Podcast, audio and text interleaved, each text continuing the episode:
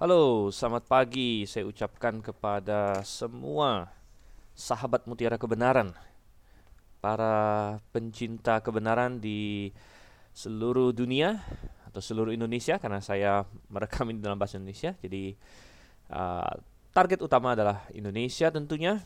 Tapi Anda bisa saja mendengar ini di mana pun Anda berada. Dan saya ucapkan salam damai sejahtera, salam maranatha kepada kita semua. Puji syukur pada pagi hari ini saya merekamnya pagi hari dan Anda mendengarnya mungkin pagi, mungkin siang, mungkin malam. Saya ucapkan ya selamat pagi, selamat siang, selamat malam kepada kita semua. Sungguh kita mengucap syukur bahwa kita masih memiliki kesempatan untuk belajar firman Tuhan, kesempatan untuk melakukan kehendak Tuhan dalam hidup ini. Dan bagi orang yang percaya kepada Yesus Kristus, orang yang sudah dilahir barukan, segala sesuatu itu indah. Baik di dalam hidup, bahkan mati pun indah, saudara Tuhan. Puji syukur, mati pun indah. Paulus berkata, bagiku hidup adalah Kristus, mati adalah keuntungan. Nah ini bukan hal yang mudah untuk diucapkan atau dengan dengan gampang diucapkan, saudara Tuhan. Namun, sungguh ini merefleksikan iman yang iman yang sungguh-sungguh mengamini apa yang Kristus telah lakukan, mengamini apa yang uh, Tuhan telah berikan jaminan yang begitu indah, berkat-berkat yang begitu indah di dalam Yesus Kristus.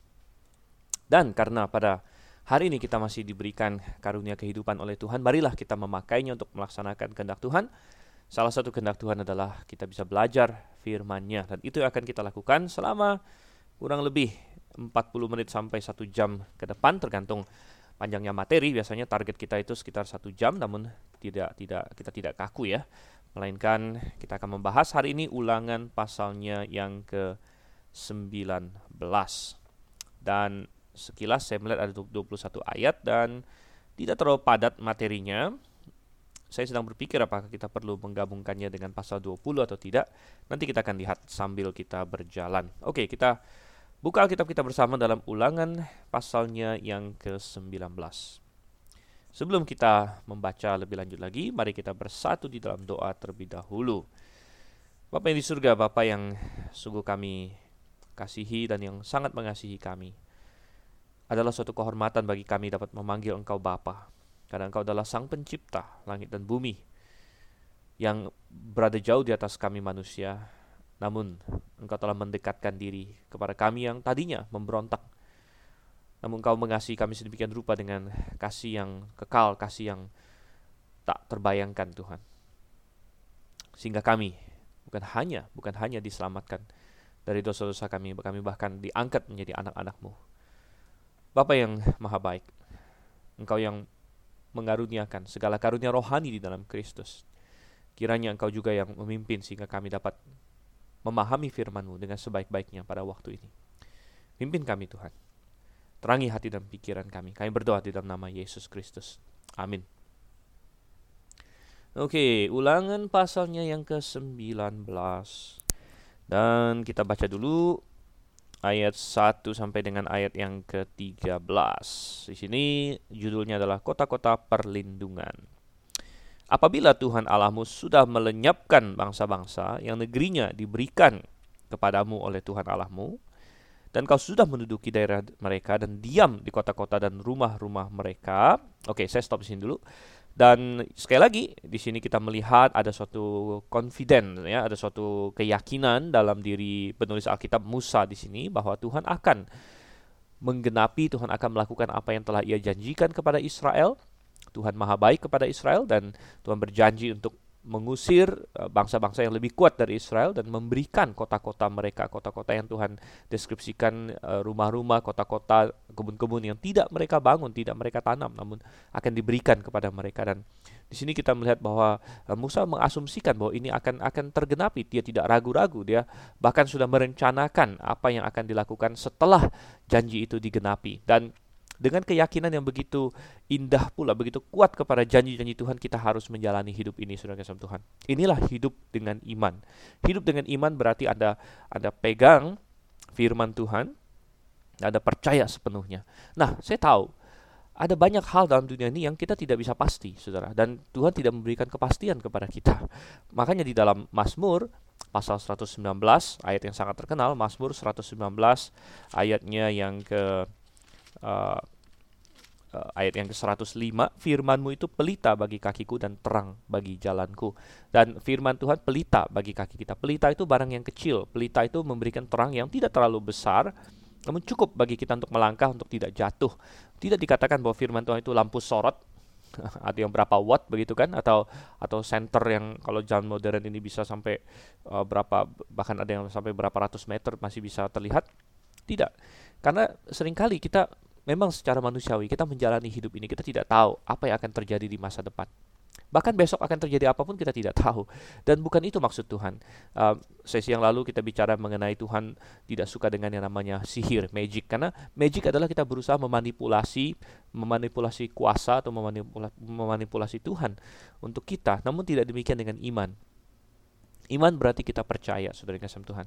Kita percaya janji Tuhan yang ada dalam Alkitab. Janji itu kadang-kadang tidak begitu spesifik. Misalnya, uh, ada janji Tuhan uh, di dalam Filipi 4 ayat 19 bahwa uh, Allah akan memenuhi segala keperluan kita menurut kekayaannya dalam Kristus Yesus. Ini janji Tuhan bagi orang percaya.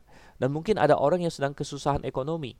Ya, saya sedang merekam ini saat COVID, saudara Tuhan. Saat COVID-19 dan uh, banyak orang yang mungkin mengalami kesusahan ekonomi. Ada yang ada yang mungkin kena PHK, ada yang pekerjaannya, bisnisnya harus tutup dan lain sebagainya. Dan Anda bingung bagaimana mendapat uang.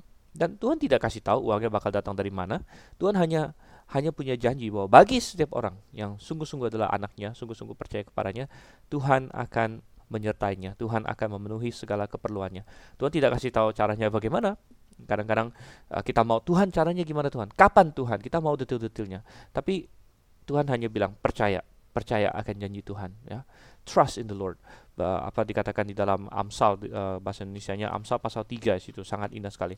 Amsal pasal 3 ayatnya yang kelima, percayalah kepada Tuhan dengan segenap hatimu dan janganlah bersandar kepada pengertianmu sendiri. Dalam pengertian kita mungkin kita bilang Tuhan tidak tidak ada caranya Tuhan. Ini ini dead end Tuhan. Ini jalan buntu Tuhan. Ini saya tidak tahu lagi Tuhan. Bagaimana caranya Tuhan? Oh, ya kita berkata bahwa uh, iman berkata saya percaya apa yang Tuhan katakan. Saya tidak tahu caranya bagaimana tapi saya mau melangkah selangkah demi selangkah bersama dengan Tuhan ya. Jadi uh, sama seperti Musa di sini Ulangan 19 ayat 1 dia yakin bahwa apa yang Tuhan janjikan pasti akan terlaksana dan dia sudah merencanakan untuk setelah itu bahkan. Jadi dia bilang di sini kalau Tuhan sudah melenyapkan bangsa-bangsa itu dan kalian sudah menduduki uh, kota-kotanya, negeri-negerinya, oh sudah kasih Tuhan.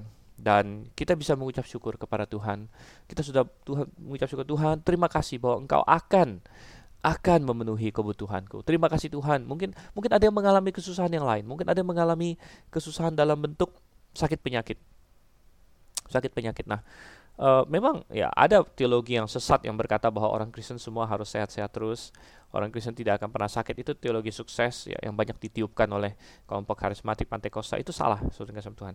Uh, mereka sering mengutip uh, ayat oleh bilur-bilurnya kamu telah menjadi sembuh. Tapi itu bicara mengenai uh, kesembuhan jas, uh, rohani, kesembuhan rohani dari penyakit dosa kita. Sedangkan untuk penyakit jasmani, Paulus berkata bahwa tubuh jasmani kita semakin hari semakin merosot, hari demi hari semakin merosot. Itu tidak tidak bisa dilawan, Saudara Tuhan. Itu adalah karena kita hidup di dunia yang sudah jatuh ke dalam dosa. Itu ada di dalam 2 Korintus pasal 4 ayat 16 sebab itu kami tidak tawar hati tapi meskipun manusia lahiriah kami semakin merosot.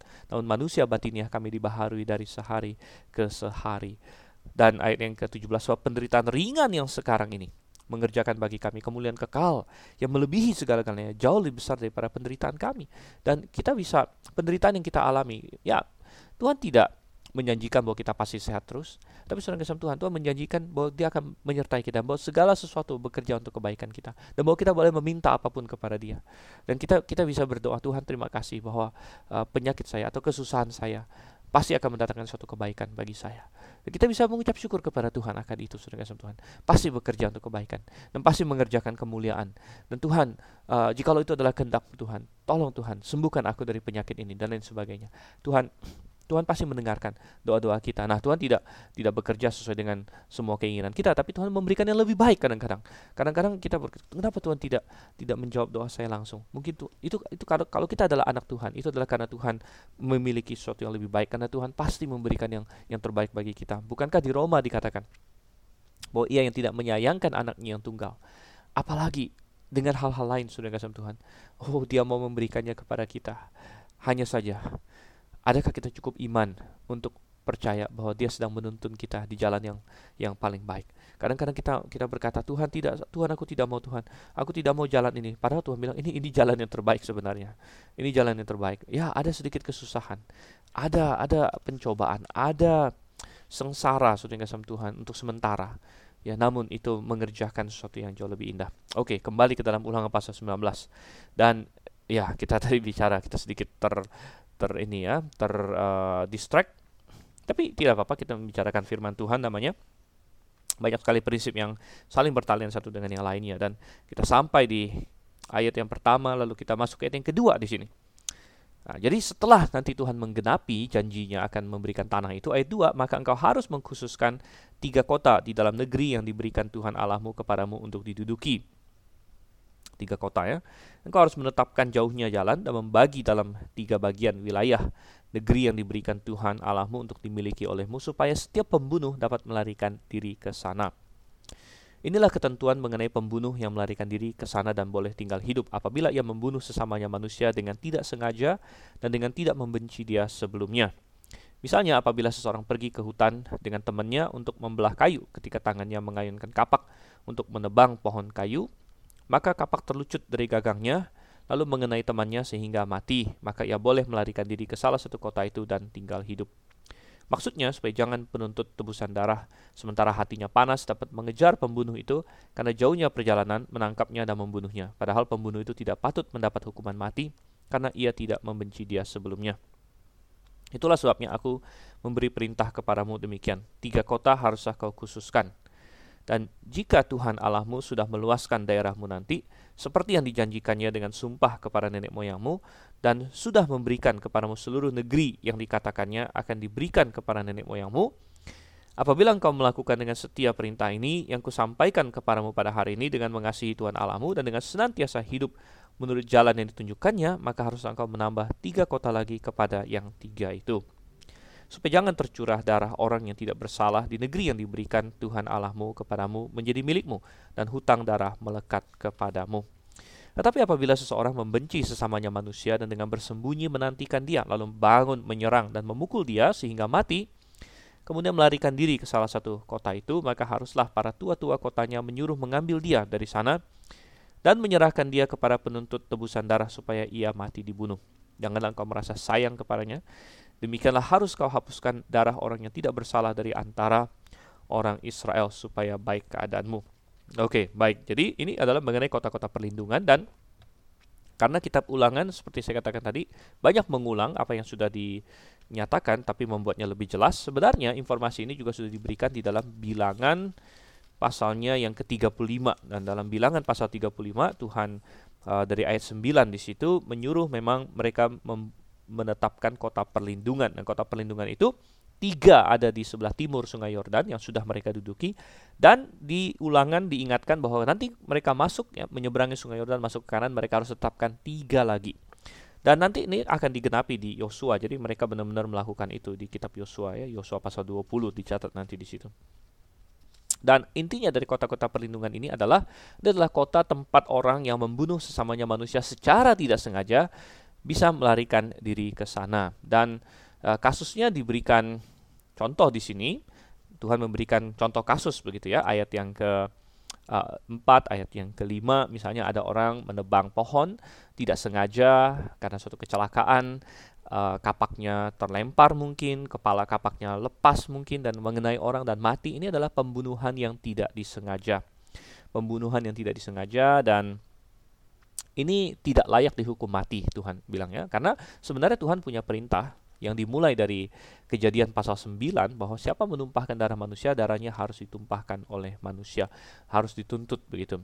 Dan uh, kita melihat di situ bahwa uh, prinsip ini adalah prinsip yang sangat bagus sekali, tapi Tuhan memperlihatkan bahwa dia sungguh-sungguh memperhatikan masalah keadilan dan masalah keadilan bukan hanya sekedar eksternal tapi berkaitan dengan hati seseorang. Nah, ini adalah suatu indikator bahwa apa yang ada dalam hati kita itu sangat-sangat penting sekali. Bahkan Tuhan Yesus menyatakan kebalikannya.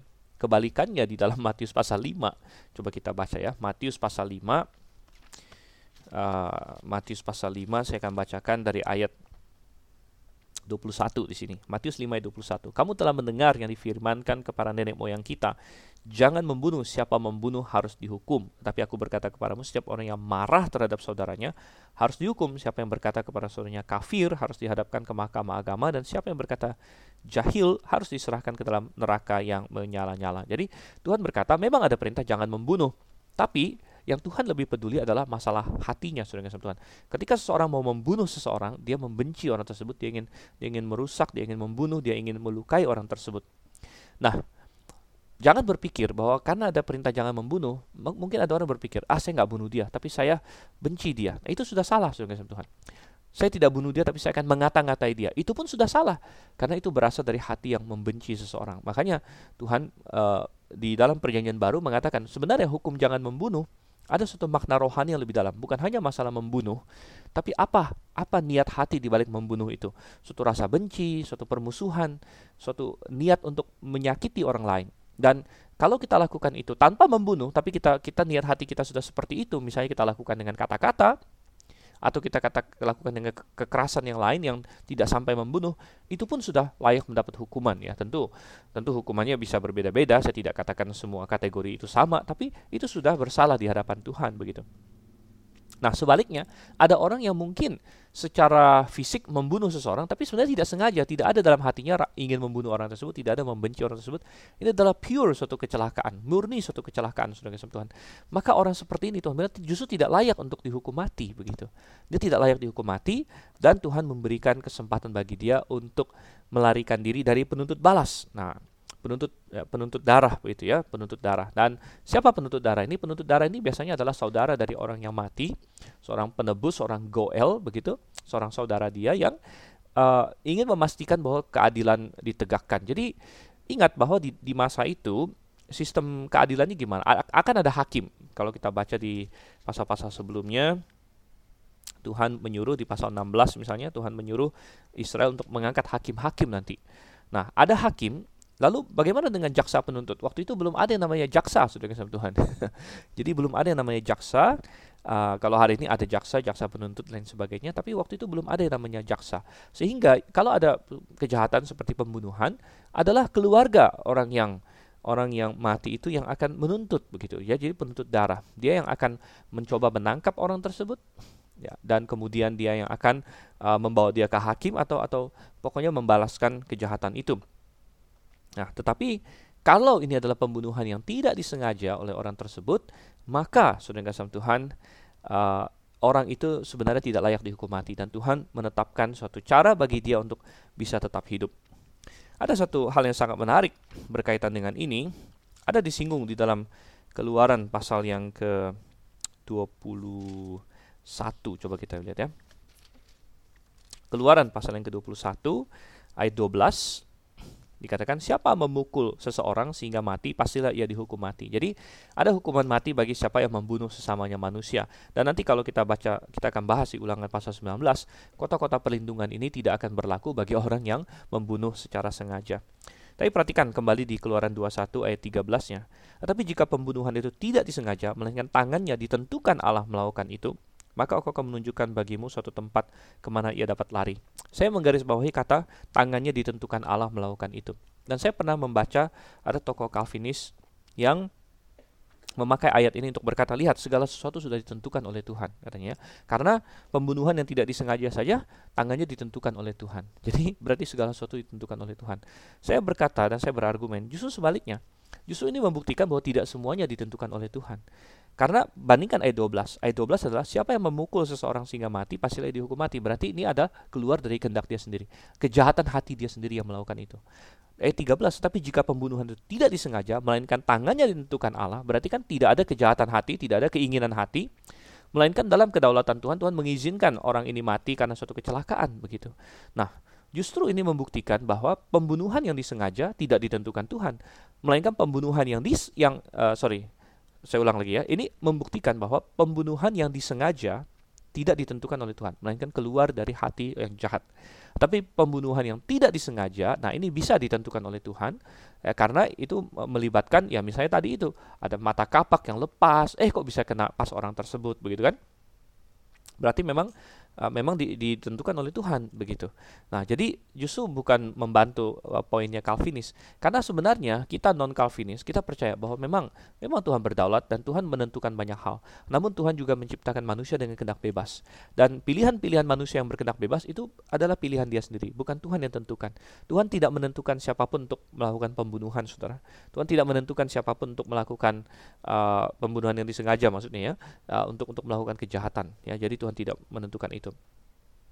Kembali ke dalam ulangan pasalnya yang ke-19, kita melihat di sini uh, Tuhan memastikan bahwa kota-kota ini harus jaraknya, bahkan harus mereka perhatikan ya jarak antara satu kota dan kota lain dan nanti akhirnya digenapi bahwa mereka menaruh satu di bagian selatan, satu di tengah, satu di utara, tiga di uh, sebelah barat, tiga di sebelah timur Sungai Yordan Uh, dan maksudnya adalah supaya kalau itu terlalu jauh, kalau kota itu terlalu jauh, maka tidak ada gunanya karena orang tersebut tidak akan mampu untuk lari ke sana sebelum ditangkap oleh keluarga yang yang yang mati secara tidak sengaja itu. Jadi harus ada suatu jarak yang yang masuk akal di sini. Jadi Tuhan sungguh-sungguh memperhatikan supaya jangan ada orang yang tidak bersalah uh, dihukum ya. Jadi itu yang harus menjadi perhatian dalam banyak sekali sistem pengadilan di dunia ini tidak memperhatikan orang-orang kecil atau orang-orang yang bisa saja tidak bersalah namun dihukum. Artinya keadilan yang yang akhirnya mencong saudara Tuhan, keadilan yang tidak lurus dan kita harus selalu berhati-hati. Tuhan adalah Tuhan yang adil.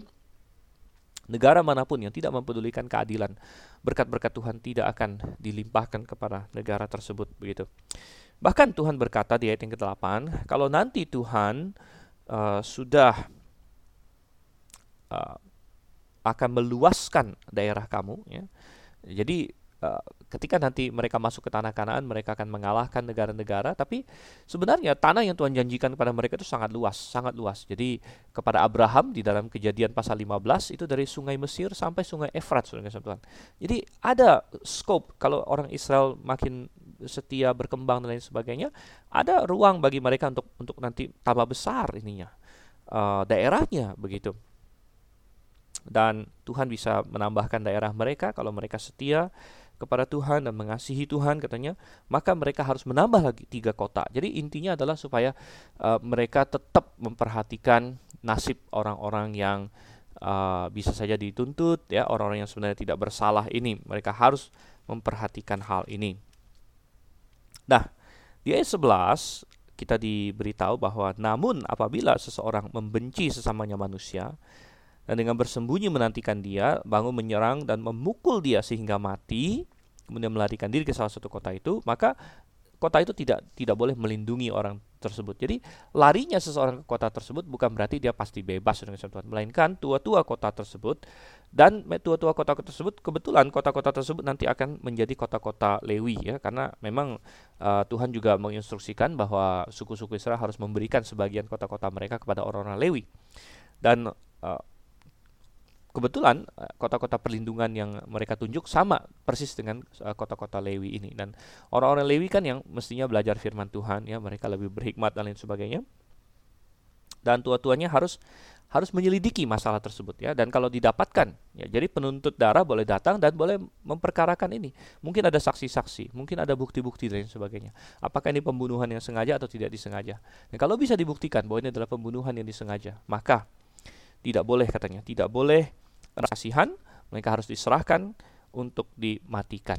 Jadi Tuhan peduli bahwa orang yang uh, innocent, orang yang tidak bersalah jangan sampai dihukum, tapi Tuhan juga peduli agar orang yang bersalah harus dihukum. Nah, ini adalah hukum yang benar. Jangan berat sebelah. Ya, jangan saking kita ingin uh, menghukum orang yang bersalah, yang tidak bersalah disikat-sikat juga. Itu salah. Atau saking kita ingin memproteksi yang yang tidak tidak bersalah sehingga yang bersalah pun kita bebaskan. Itu juga salah. Melainkan harus uh, pada proporsinya kalau dia bersalah maka oke okay, Tuhan uh, mau dia dihukum, kalau dia tidak bersalah, Tuhan mau agar dia bisa mendapatkan keadilan, dia bisa bebas. Ada yang uh, mengatakan bahwa kota-kota perlindungan ini adalah suatu gambaran atau tipologi dari Yesus Kristus juga. Dan oke, okay, walaupun ada perbedaan, namun memang ada ada sedikit persamaan juga di mana uh, orang-orang yang dalam mara bahaya bisa lari ke kota-kota ini untuk uh, untuk bisa mendapatkan kelepasan. Demikian juga siapa pun yang berada dalam mara bahaya bisa lari kepada Yesus Kristus untuk mendapatkan kelepasan. Namun dia harus tetap berada dalam kota itu. Jadi kalau di dalam bilangan 35 diperjelas ya orang yang orang yang uh, membunuh sesamanya manusia dengan tidak sengaja itu bukan berarti hidupnya juga uh, tidak tidak ada perubahan. Dia harus lari ke kota itu, kemudian dia harus tinggal di kota itu. Ya tinggal ke kota itu sampai kapan? Sampai imam besar mati gitu. Nah, dia wajib ya. Jadi bilangan 35 ayat 28 eh, di situ uh, atau dari ayat 26 lah saya bacakan bilangan 35 ayat 26 tapi jika terjadi bahwa pembunuh itu keluar dari batas kota perlindungan tempat ia melarikan diri dan penuntut darah mendapat dia di luar batas kota perlindungannya dan penuntut darah membunuh pembunuh itu maka tidaklah ia berhutang darah. So, pembunuh itu wajib tinggal di kota perlindungan sampai matinya imam besar. Tapi sesudah matinya imam besar bolehlah pembunuh itu kembali ke tanah kepunyaannya sendiri. Jadi membunuh seseorang dengan tidak sengaja ya tetap ada ada konsekuensinya begitu. Artinya ya mungkin kamu tidak tidak hati-hati. Kenapa tidak hati-hati begitu kan? Atau uh, kenapa ya, artinya tidak ya ya mungkin membunuh mungkin tidak sengaja membunuh. Tapi kan ada faktor kelalaian mungkin di situ sehingga uh, dia harus bagaikan di penjara. Tapi penjaranya penjara enak ya penjara satu kota begitu bukan penjara ini. Dia harus tinggal di kota-kota perlindungan itu sampai imam besar mati saudara Tuhan. Nah ini menggambarkan juga bahwa barang siapa lari kepada Yesus Kristus dia harus tinggal di dalam Kristus. Ya tetapi kematian Yesus Kristus sungguh-sungguh membebaskan karena imam besar ya Yesus Kristus adalah uh, penggenapan dari imam besar kita dan kematian Yesus Kristus di atas kayu salib itulah yang sungguh-sungguh membebaskan kita dari segala dosa kita. Oke. Okay. Nah, um, kita lanjut kembali ke dalam ulangan pasalnya yang ke-19 dan kita melanjutkan ayat 14 sekarang satu ayat saja.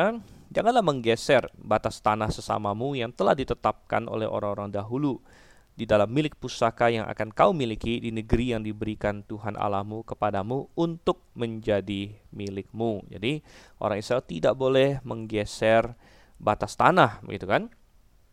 Dan ini mengajarkan beberapa hal. Nomor satu bahwa Tuhan peduli dengan uh, keadilan sekali lagi dan kemudian bahwa orang Israel boleh memiliki milik pusaka masing-masing. Jadi uh, sesi kapan itu kita sempat bicara mengenai komunisme, sosialisme, kapitalisme ya. Komunisme tidak percaya bahwa uh, manusia boleh punya milik pribadi ya. Namun di sini ya ternyata Israel jelas tidak menerapkan komunisme ya karena masing-masing orang bisa memiliki tanah pusaka milik mereka sendiri. Bahkan Tuhan bilang bahwa tanah pusaka itu tidak boleh dijual permanen. Setiap 50 tahun harus balik lagi. Itu ada di bagian lain karena tanah itu sebenarnya milik Tuhan gitu ya. Um, dan tidak boleh menggeser batas tanah, jadi itu suatu kecurangan Uh, jadi ada orang yang uh, setiap tahun tanah tetangganya digeser dikit digeser dikit. Lama-lama tanah dia jadi tambah gede gitu kan? Uh, tanah tetangganya jadi tambah kecil. Itu suatu kejahatan di mata Tuhan tidak boleh.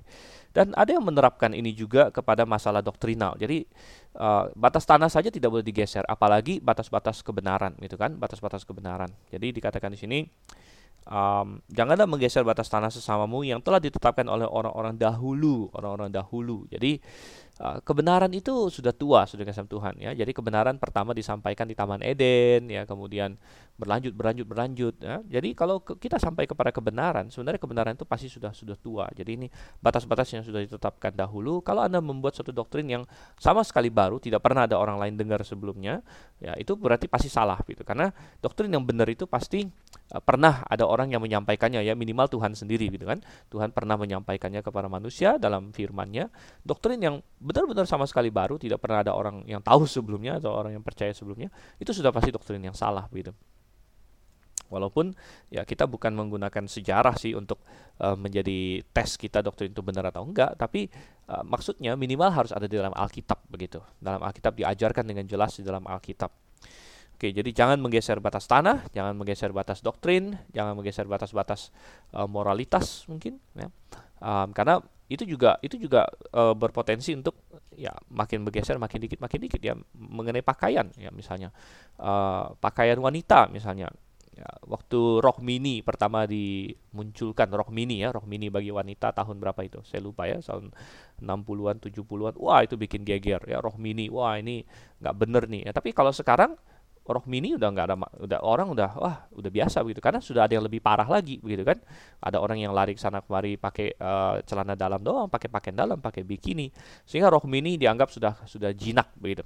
Nah ini uh, contoh-contoh menggeser ya menggeser batas-batas moralitas um, apa yang bisa ditayangkan di TV di di di film-film ya. Kalau zaman dulu uh, wah ini apa kayak laki laki-laki perempuan di atas tempat tidur, wah itu sudah dianggap wah skandal nih, begitu skandal ya. Tapi sekarang wah sudah ciuman sampai gimana, bahkan sampai pornografi ya, apa istilahnya hubungan intim ditayangkan di di film dan sebagainya, orang udah nggak masalah lagi. Dan kalau anda semakin banyak nonton yang seperti itu, anda juga akan semakin tidak peka, tidak peka akan -hal tersebut, akan menganggapnya hal yang biasa. Anda bagaikan sedang menggeser secara pelan-pelan batas-batas moralitas diri anda sendiri.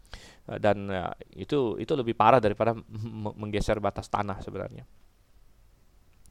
Oke, lanjut lagi dari ayat 15 sampai ayat yang ke-21 dikatakan sini. Satu orang saksi saja tidak dapat menggugat seseorang mengenai perkara kesalahan apa pun atau dosa apa pun yang mungkin dilakukannya. Baru atas keterangan dua atau tiga orang saksi perkara itu tidak disangsikan. Apabila seorang saksi jahat menggugat seseorang untuk menuduh dia mengenai suatu pelanggaran, maka kedua orang yang mempunyai perkara itu haruslah berdiri di hadapan Tuhan, di hadapan imam-imam dan hakim-hakim yang ada pada waktu itu. Maka hakim-hakim itu harus memeriksanya baik-baik. Nah, apabila ternyata bahwa saksi itu seorang saksi dusta, dan bahwa ia telah memberi tuduhan dusta terhadap saudaranya, maka kamu harus memperlakukannya sebagaimana ia bermaksud memperlakukan saudaranya. Demikianlah harus kau hapuskan yang jahat itu dari tengah-tengahmu maka orang-orang lain akan mendengar dan menjadi takut sehingga mereka tidak akan melakukan lagi perbuatan jahat seperti itu di tengah-tengahmu. Janganlah engkau merasa sayang kepadanya, so berlaku nyawa ganti nyawa, mata ganti mata, gigi ganti gigi, tangan ganti tangan, kaki ganti kaki. Oke.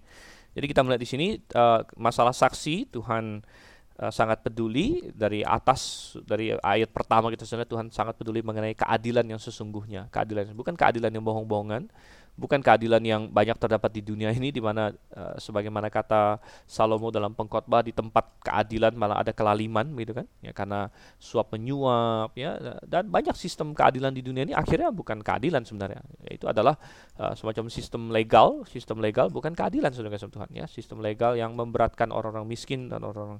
Tapi Tuhan tidak tidak mau hal tersebut sebenarnya. Tuhan sangat peduli dengan keadilan yang sejati. Dan masalah saksi ini juga Tuhan soroti ya kalau cuma ada satu saksi ya itu tidak bisa memastikan suatu perkara. Harus minimal dua atau tiga orang saksi. Dan kalau misalnya ada saksi palsu nah saksi palsu ini gimana? Wow saksi palsu itu adalah sesuatu yang sangat jahat. Dan uh, Tuhan berkata harus diselidiki baik-baik ya harus berdiri di hadapan imam-imam hakim-hakim memeriksa baik-baik. Dan kalau ternyata itu saksi dusta maka dia harus dihukum. Ya, dan dihukumnya adalah apa? Dihukumnya adalah dia harus diperlakukan sebagaimana dia bermaksud memperlakukan saudaranya. Jadi misalnya dia bersaksi dusta, uh, seseorang mencuri, ya, pada itu saksi dusta, dan kalau kalau misalnya benar dia mencuri dia harus ganti rugi misalnya kan ganti rugi ada empat kali lipat ada lima kali lipat nah karena dia bersaksi dusta dia bermaksud mencelakai saudaranya demikian maka dia harus dikenakan hukuman yang sama gitu wow ini adalah suatu hukum yang sangat sangat adil ya sudah Tuhan Nah, jangan merasa sayang ayat 21 kepadanya. Sebab berlaku nyawa ganti nyawa, mata ganti mata, gigi ganti gigi, tangan ganti tangan, kaki ganti kaki. Nah, ini disebut uh, lex talionis ya, hukum uh, pembalasan begini di sini. nah, banyak orang yang salah tanggap mengenai lex talionis ini. Ada yang menganggap oh itu negatif orang Kristen tidak perlu gunakan lagi karena mereka membaca apa yang Tuhan Yesus katakan di Matius pasal 5. Dan di Matius pasal 5 ayat 38 Matius 5 ayat 38, kamu telah mendengar firman, mata ganti mata dan gigi ganti gigi. Tetapi aku berkata kepadamu, janganlah kamu melawan orang yang berbuat jahat kepadamu, melainkan siapa pun yang menampar pipi kananmu, berilah juga kepadanya pipi kirimu. Nah, jadi seolah-olah Tuhan Yesus menghilangkan ya lex talionis di sini atau uh, hukum mata ganti mata. Namun sebenarnya saudara Tuhan bukan itu yang Tuhan Yesus katakan. Yang Tuhan Yesus ingin ajarkan adalah bahwa lex talionis atau mata ganti mata segala macam itu tidak tidak bukanlah suatu keharusan dan janganlah diterapkan dalam hubungan sehari-hari antara satu saudara dengan saudara yang lainnya. Hanya karena seseorang uh, berbuat yang kurang baik sama saya bukan berarti saya harus langsung balas dia. Ya, bukan. Uh, melainkan saya bisa uh, memenangkan dia dengan cara lain, memenangkan dia dengan cara justru uh, menerima apa yang yang dia lakukan itu ya dan kemudian mengasihi dia dan memenangkan dia dengan kasih begitu. Namun bukan berarti Tuhan Yesus menghilangkan lex talionis. Di dalam konteks pengadilan ini adalah hal yang benar. Artinya kalau seseorang merugikan seseorang uh, satu ekor kambing, ya dia ganti satu ekor kambing itu sangat adil. Iya, jadi sekali lagi kalau di dalam konteks keadilan itu nggak masalah lex talionis itu ya. Cuman sebenarnya lex talionis itu bukan berkata suatu keharusan tetapi justru memberikan memberikan uh, maksimumnya begitu. Jadi maksudnya begini saya jelaskan. Uh, mata ganti mata nyawa ganti nyawa ya gigi ganti gigi. Artinya kalau seseorang dirugikan dirugikan uh, giginya misalnya, maka yang merugikan giginya itu maksimum harus membayar gigi juga. Jadi sebenarnya lex talionis ini pertama ditujukan supaya uh, penuntut balas tidak berlebihan karena itu adalah sifat manusia, sifat manusia ya. Uh, artinya gini, kita di dijahatin orang sebanyak X ya. Kita mau balas 2X begitu Anda pernah nggak rasakan begitu? Ih, dia begini sama saya. Maka ketika kita membalasnya, kita membalasnya berkali-kali lipat begitu karena kita merasa sangat sangat kesel begitu, sangat kesel dan manusia punya kecenderungan seperti itu ya. Uh, wah, dan film-film itu kan penuh dengan uh, motif-motif uh, apa balas dendam. Ya, wah, bapak saya dibunuh sama dia, saya bunuh satu keluarga dia. Nah, jadi bayangkan itu ya, uh, bapaknya dibunuh, dia bunuh satu keluarga sisa satu misalnya yang lolos sesuai dengan film-film kungfu atau film apa pun ya.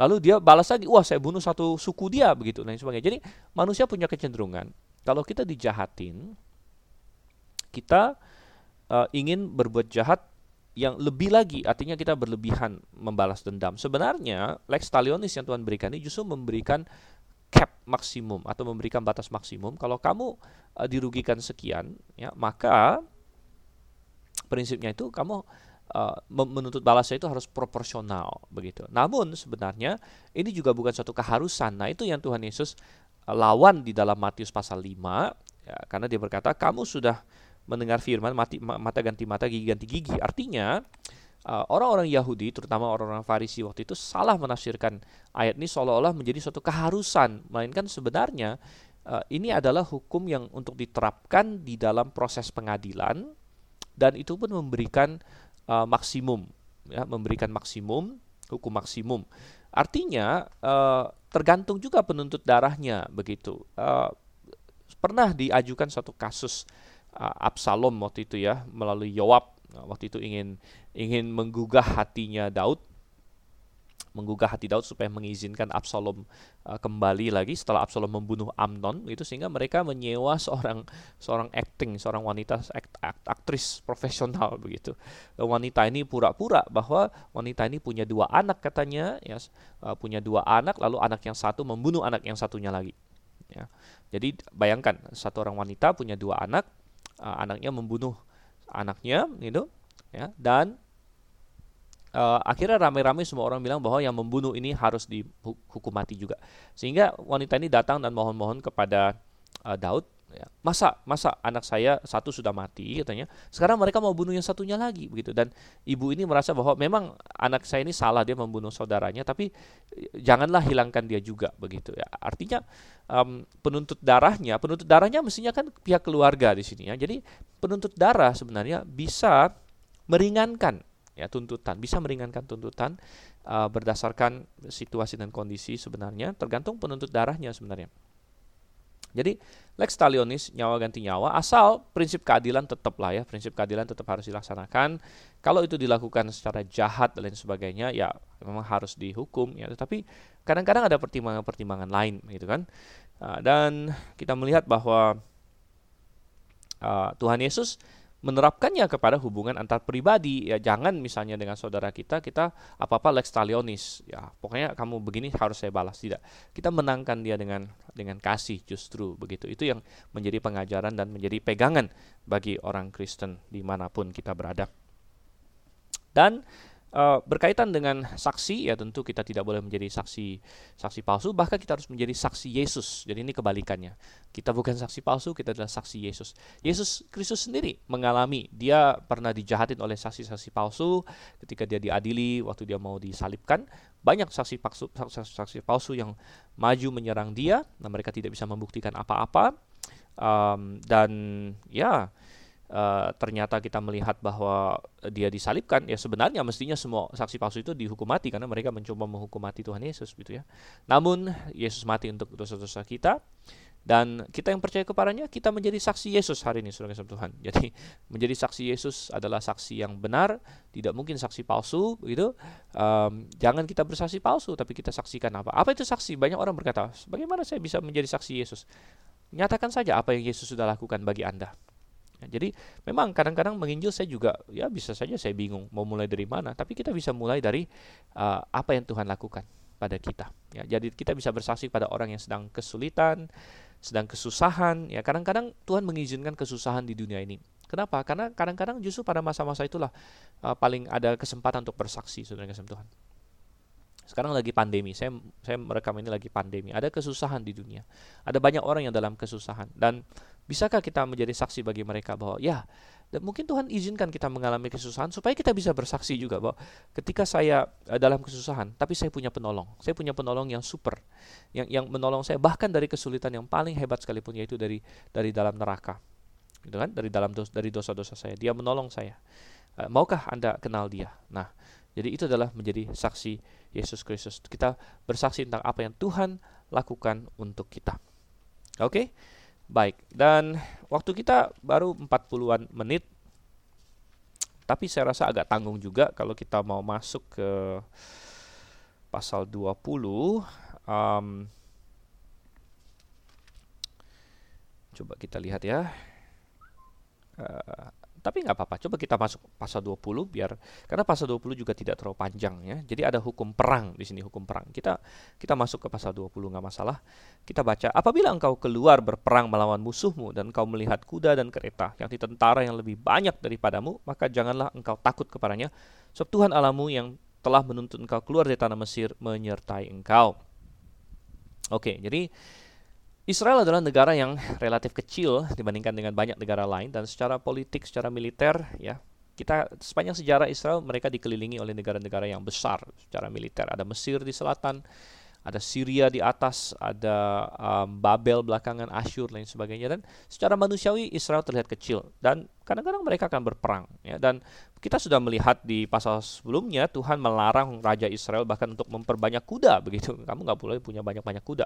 Nah bagaimana kalau akhirnya mereka melawan musuh dengan kuda yang banyak, tentara yang banyak? Ya Tuhan bilang jangan takut, jangan takut ya. Tuhan yang akan berperang. Israel adalah Israel adalah bangsa yang khusus ya. Jadi jangan mereka takut dan ini memberikan pengharapan bagi kita.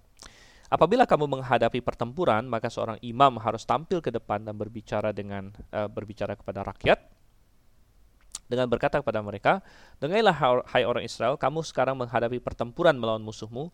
Janganlah lemah hatimu, janganlah takut dan janganlah gentar dan janganlah gemetar karena mereka. Sebab Tuhan Allahmu dialah yang berjalan menyertai kamu untuk berperang bagimu melawan musuhmu dengan maksud memberikan kemenangan kepadamu. Jadi Tugas imam di sini antara lain adalah menguatkan hati rakyat, mengingatkan rakyat akan Tuhan uh, dan dia harus melakukan itu begitu. Jadi ya, kita hari ini pun saling menguatkan satu dengan yang lain ya para gembala, para penginjil, bahkan orang-orang Kristen yang sudah dewasa yang punya karunia untuk menasehati misalnya, uh, saling menasehati satu dengan yang lain bahwa Tuhan beserta dengan kita. Dan kalau Tuhan beserta dengan kita, maka siapakah lawan kita itu.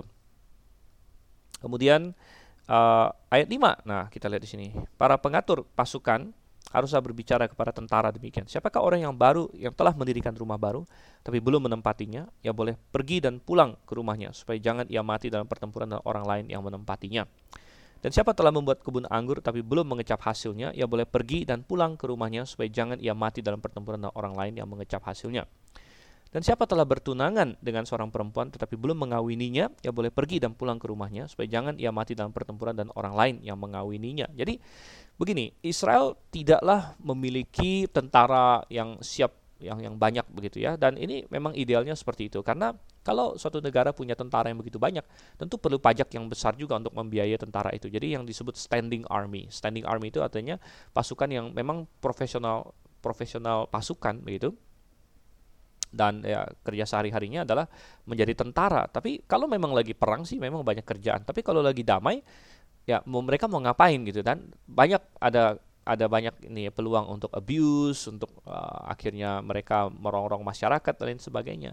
Ya, tetapi Israel tidak demikian. Bahkan di masa-masa tertentu seperti di masa hakim-hakim waktu mereka belum punya raja, mereka nggak punya tentara sedikit pun bahkan ya. Jadi kalau ada musuh baru baru rakyatnya berkumpul gitu, baru ada draft istilahnya draft atau uh, rekrutmen gitu ya. Uh, dan ya Artinya eh, Tuhan ingin Israel itu begini, tidak usah ada banyak tentara, ya, tetapi setiap orangnya siap menjadi tentara begitu. Setiap orangnya siap menjadi tentara, kalau ada keperluan siap berperang. Nah, ini menyatakan ya bagi kita orang Kristen bahwa kita ada dalam pertempuran rohani gitu. Dan pertempuran rohani itu bukan hanya untuk para gembala, para penginjil. ya biarlah mereka yang bertempur gitu kan. Biarlah uh, guru sekolah minggu yang bertempur, biarlah diaken yang bertempur tidak saudara Tuhan. Semua orang Kristen ada dalam pertempuran rohani ya. Ya seperti semua orang Israel harus ya harus di dalam pertempuran rohani sebenarnya. Tetapi sudah Tuhan kita membaca di sini, jadi berbicara mengenai pertempuran fisik di sini ya. Uh, banyak negara kan kadang-kadang mereka punya namanya draft. Draft itu artinya kayak wajib militer lah begitu, wajib militer. Um, dan ya ada orang-orang yang terutama di masa perang mau lari dari wajib militer karena mereka memang takut, mereka tidak mau masuk dalam militer gitu. Tapi sebenarnya Tuhan pun sudah punya polisi yang sangat bagus di sini. Dia bilang ada beberapa orang yang boleh dikecualikan dari wajib militer, yaitu siapa? Orang yang baru mendirikan rumah baru, belum sempat ini, belum sempat masuk, ya oke, okay, kamu ada pengecualian. Baru memulai bisnis kebun anggur misalnya, belum sempat mengecap hasilnya, boleh. Baru bertunangan, baru baru mau menikah, belum sempat menikah, begitu. Nah, itu juga boleh pulang. Dan sudah kesempatan ini mengindikasikan prinsipnya apa? Prinsipnya adalah orang-orang ini adalah orang-orang yang um, hatinya hatinya uh, tidak tertuju kepada peperangan ya. Hati hatinya tertuju kepada uh, ya karena Tuhan berkata di mana hartamu berada di situ hatimu berada. Kalau orang baru punya rumah baru ya hatinya akan kepikir terus rumah barunya. Kebun anggur baru. Apalagi uh, ada cewek yang yang ini ada tunangan yang yang akan dinikahi gitu kan. Dan orang yang demikian tidak akan sepenuh hati di dalam pertempuran. Bahkan ada kategori keempat lagi yang yang dikecualikan lalu ayat 8 lagi para pengatur pasukan itu harus berbicara kepada tentara demikian. Siapa takut dan lemah hati, ya boleh pergi dan pulang ke rumahnya. Supaya hati saudara-saudaranya jangan tawar seperti dia gitu. Wow, jadi yang takut diperbolehkan pulang. Saya rasa uh, polisi seperti ini hanya bisa berlaku bagi Israel yang ditolong oleh Tuhan. Karena Tuhan tidak pernah peduli dengan uh, jumlah orang yang berperang bagi dia. Tapi Tuhan jauh lebih peduli kepada masalah hati orang yang berperang untuk dia. Ya, jadi perhatikan, Tuhan tidak peduli dengan jumlah. Yonatan pernah berseru dan menyatakan hal ini waktu dia bersama bujangnya mau menyerang orang orang Filistin, dia bilang sama bujangnya, tidak sulit bagi Allah untuk menyelamatkan dengan sedikit orang atau dengan banyak orang, begitu. Jadi Tuhan tidak peduli dengan jumlah orangnya, tapi Tuhan lebih peduli pada hati orangnya. Dan prinsip ini pernah diterapkan pada masa Gideon. Kalau Anda ingat saudara Tuhan, Gideon waktu itu mau berperang melawan orang-orang Filis, orang Midian, sorry. Dan uh, jumlah orang Midiannya ada 100 ribu, lebih dari 100 ribu. Dan waktu itu orang yang berkumpul dengan Gideon ada 32 ribu. Tapi Tuhan bilang ini terlalu banyak. Wow, saudara. Padahal mereka sudah outnumbered ya, sudah dikalahkan tiga banding satu. Tapi Tuhan bilang ini terlalu banyak. Sehingga Tuhan Tuhan menegaskan prinsip yang terdapat dalam ulangan 20 ayat yang ke-8 ini. Akhirnya Gideon mengumumkan, siapa yang takut pulang katanya, pulang sana katanya. Eh, Ternyata saudara dari 32 ribu orang, 22 ribu orang takut. Ya bayangkan, kalau Anda tahu Anda cuma sepertiga jumlah musuh, Anda disuruh berperang, Anda takut atau tidak? Mungkin ada ketakutan juga saudara. Mungkin saya juga takut, saya tidak tahu ya. Um, dan uh, takut saudara dengan Tuhan. Ya 22 ribu orang takut. Ya pulang, tinggal 10 ribu orang. Dan Tuhan bilang masih terlalu banyak. Wow. Saudara masih terlalu banyak dan Tuhan akhirnya seleksi lagi nomor dua Anda boleh baca di kitab hakim-hakim bagaimana mereka disuruh minum ya dan yang minum dengan seperti anjing eh, dibandingkan dengan minum yang dengan mengangkat tangan dan sebagainya akhirnya tinggal 300 orang dan Tuhan menyelamatkan dengan 300 orang itu yang pada awalnya Jadi sangat luar biasa sekali, sangat luar biasa sekali. Um, sekali lagi, ya dalam apa pun yang yang kita ya, peperangan rohani atau kita ingin melayani Tuhan atau kita ingin melakukan sesuatu untuk Tuhan. Yang lebih utama bukanlah jumlah orangnya, tapi kemurnian dan hati orang-orang tersebut.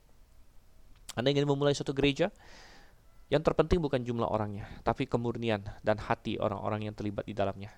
Nah, ini ini yang penting sekali ya. Jadi um, takut itu rupanya apa? Takut itu bisa menular. Kata yang takut boleh pulang supaya hati saudara-saudaranya jangan tawar seperti hatinya. takut itu bisa menular saudara Tuhan. Oleh karena itu, marilah kita menularkan keberanian, dan iman satu kepada yang lain bukan menularkan ketakutan satu dengan yang lain.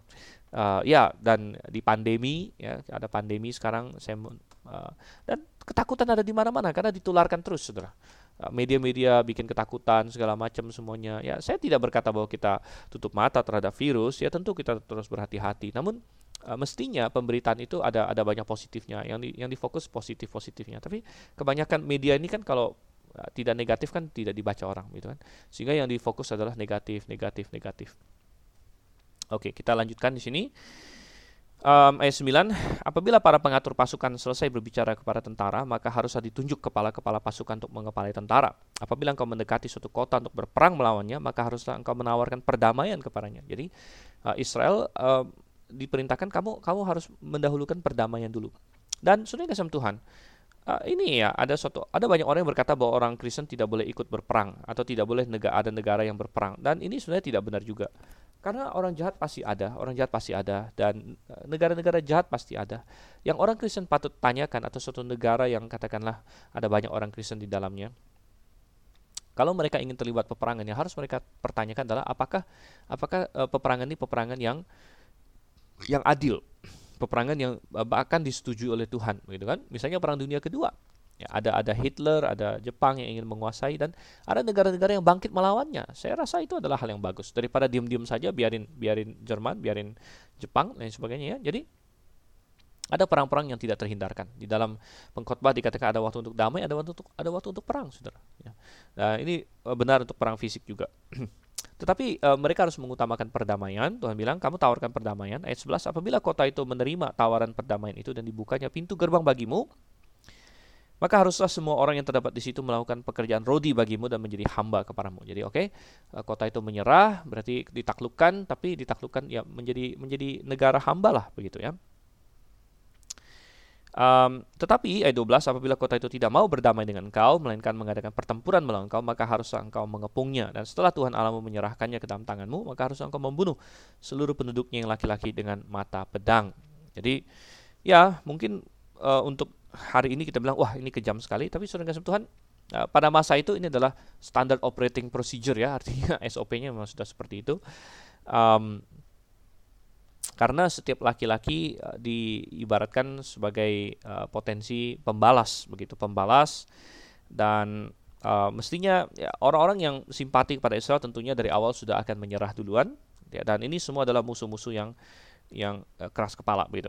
Hanya perempuan, anak-anak, hewan dan segala yang ada di kota itu yakni seluruh jarahan itu boleh kau rampas bagimu sendiri dan jarahan yang dari musuhmu ini yang diberikan kepadamu oleh Tuhan Allahmu boleh kau pergunakan.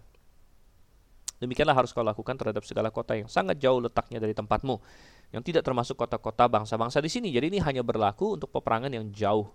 Ayat 16, tetapi dari kota-kota bangsa-bangsa itu yang diberikan Tuhan Allahmu kepadamu menjadi milik pusakamu, janganlah kau biarkan hidup apa pun yang bernafas. Melainkan kau tumpas sama sekali, yakni orang Het, orang Amori, orang Kanaan, orang Feris, orang Hewi, dan orang Yebus seperti yang diperintahkan kepadamu oleh Tuhan Allahmu. Jadi kenapa orang-orang ini spesial? Ini adalah bangsa Kanaan yang sangat jahat di mata Tuhan. Jadi Tuhan memakai Israel sebagai pedang penghukuman bagi mereka. Gitu. Dan ini sudah berkali-kali kita bahas ya. Tuhan bukan jahat, Tuhan bukan uh, Tuhan punya hak atas kehidupan mereka. Mereka telah menyimpang jauh dari Tuhan. Kalau ada di antara mereka yang bertobat, toh diterima oleh Israel, seperti Rahab contohnya.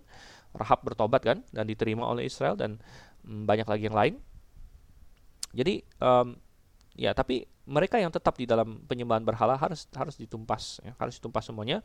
Ayat 18 supaya mereka jangan mengajar kamu berbuat sesuai dengan segala kekejian yang dilakukan mereka bagi Allah mereka sehingga kamu berbuat dosa kepada Tuhan Allahmu. Dan pada kenyataannya akhirnya Israel gagal untuk melakukan ini. Mereka tidak menumpas habis semuanya. Dan apa yang Tuhan uh, wanti-wanti di sini terjadi ya, dan mereka membelokkan hati Israel. Dan banyak orang Israel akhirnya mati sudah dengan Tuhan karena karena ini. Jadi uh, kalau kita gagal melakukan firman Tuhan pasti ada konsekuensi uh, dan akhirnya berujung kepada Israel sendiri harus dibuang dan uh, jumlah nyawa yang akhirnya mati lebih banyak lagi karena mereka disesatkan dalam penyembahan berhala gitu. Oke, lanjut lagi. Apabila dalam memerangi suatu kota engkau lama mengepungnya untuk direbut, maka tidak boleh engkau merusakkan pohon-pohon sekelilingnya dengan mengayunkan kapak kepadanya. Buahnya boleh kau makan, tapi batangnya janganlah kau tebang. So pohon yang di padang itu bukan manusia, jadi tidak patut ikut kau kepung. Hanya pohon-pohon yang engkau tahu tidak menghasilkan makanan, boleh kau rusakkan dan kau tebang untuk mendirikan pagar pengepungan terhadap kota yang berperang melawan kau sampai kota itu jatuh. Ya, bahkan Tuhan peduli dengan masalah pohon-pohon di sekelilingnya. Jadi betapa betapa besar kepedulian Tuhan kita atas segala. Tuhan pernah berkata bahwa um, lihat katanya burung burung pipit ya yang dijual katanya berapa lima ekor dua dua peser atau dua duit gitu kan tidak satu pun jatuh uh, di luar izin dari Bapak kita, di luar pengetahuan dari Bapak kita. Dan ini seharusnya menguatkan kita dengan amat sangat. Ya. Dan Tuhan Yesus berkata, kamu jauh lebih berharga dari banyak burung pipit. Hai orang percaya, hai orang percaya. Pohon saja Tuhan pedulikan di sini. Ya Tuhan, Tuhan tidak ingin kalau ada peperangan semua jadi tandus belakangan, ya, dan terjadi kerusakan ekonomi yang parah. Ya. Jadi pohon-pohon yang berbuah biarin aja, ya, karena eh, kebiasaan uh, segala macam pasukan adalah pohon-pohon kan ditebang untuk membuat alat-alat perang dan lain sebagainya. Tapi Tuhan bilang fokus kepada pohon-pohon yang tidak menghasilkan buah. Itu boleh kamu buat menjadi alat perang, boleh dibuat menjadi uh, katapult atau trebuchet atau atau uh, tangga-tangga atau apa pun ya pendobrak ya, battering ram. Itu silakan kamu pakai. Tapi yang yang menghasilkan buah janganlah ya karena ini ini masih banyak fungsinya begitu dan kalaupun kamu menang nanti ya belakangan makanan jadi susah begitu. Ya jadi Tuhan peduli dengan uh, Tuhan peduli dengan pohon-pohon karena Tuhan peduli kepada manusia gitu. Dan Tuhan berkata dia peduli terhadap binatang-binatang lain sebagainya mengilustrasikan betapa dia lebih pedulinya lagi dengan manusia. Oleh karena itu wow ya saya sendiri banyak dikuatkan ya. Saya sendiri banyak dikuatkan kalau saya uh, jalan-jalan uh, saya melihat bunga saya teringat akan apa yang Tuhan katakan ya. Uh, beberapa hari yang lalu saya jalan di taman di kompleks perumahan saya dan uh, sempat hujan semalam dan ada banyak bunga yang berguguran. Dan saya berkata dalam hati saya uh, firman Tuhan berkata tidak satu pun yang gugur ini ya walaupun bunga itu terlihat begitu lemah ya begitu gampang dengan angin keras sedikit saja hujan sedikit saja dia gugur gitu. Namun tidak ada satupun yang gugur kalau Tuhan tidak katakan gugur kalau Tuhan tidak izinkan gugur. Rambut saya semua sudah dihitung Tuhan tidak satu pun yang jatuh tanpa Tuhan ketahui ya. Dan apalagi diri saya apalagi saya orang yang sudah diselamatkan wow dan di masa pandemi ini ini memberikan suatu uh, suatu jaminan. Bukan berarti saya tidak akan mengalami kesusahan saudara. Oh ya ada ada tantangan. Semua orang punya tantangan saudara. Namun saya mendapatkan bahwa Tuhan Tuhan baik dan Tuhan memimpin. Selangkah demi selangkah ya satu hari demi satu hari. Dan itu yang bisa menjadi iman kita. Sekali lagi kita awali kita bicara soal iman kepada Tuhan. Kita akhiri kita bicara iman kepada Tuhan. Mari kita berdoa. Terima kasih Tuhan untuk kasih setia kepada kami. Engkau pimpin dan sertai supaya kami sungguh-sungguh beriman kepadamu. Kami berjalan menjalani hidup ini bersama dengan engkau diterangi oleh terang firman-Mu yang telah kami bahas. Kiranya kami dapat menerapkannya dalam kehidupan kami sehari-hari. Pimpin kami Tuhan. Dalam nama Yesus Kristus kami berdoa ucap syukur. Amin. Salam Maranatha. Sampai berjumpa di sesi berikutnya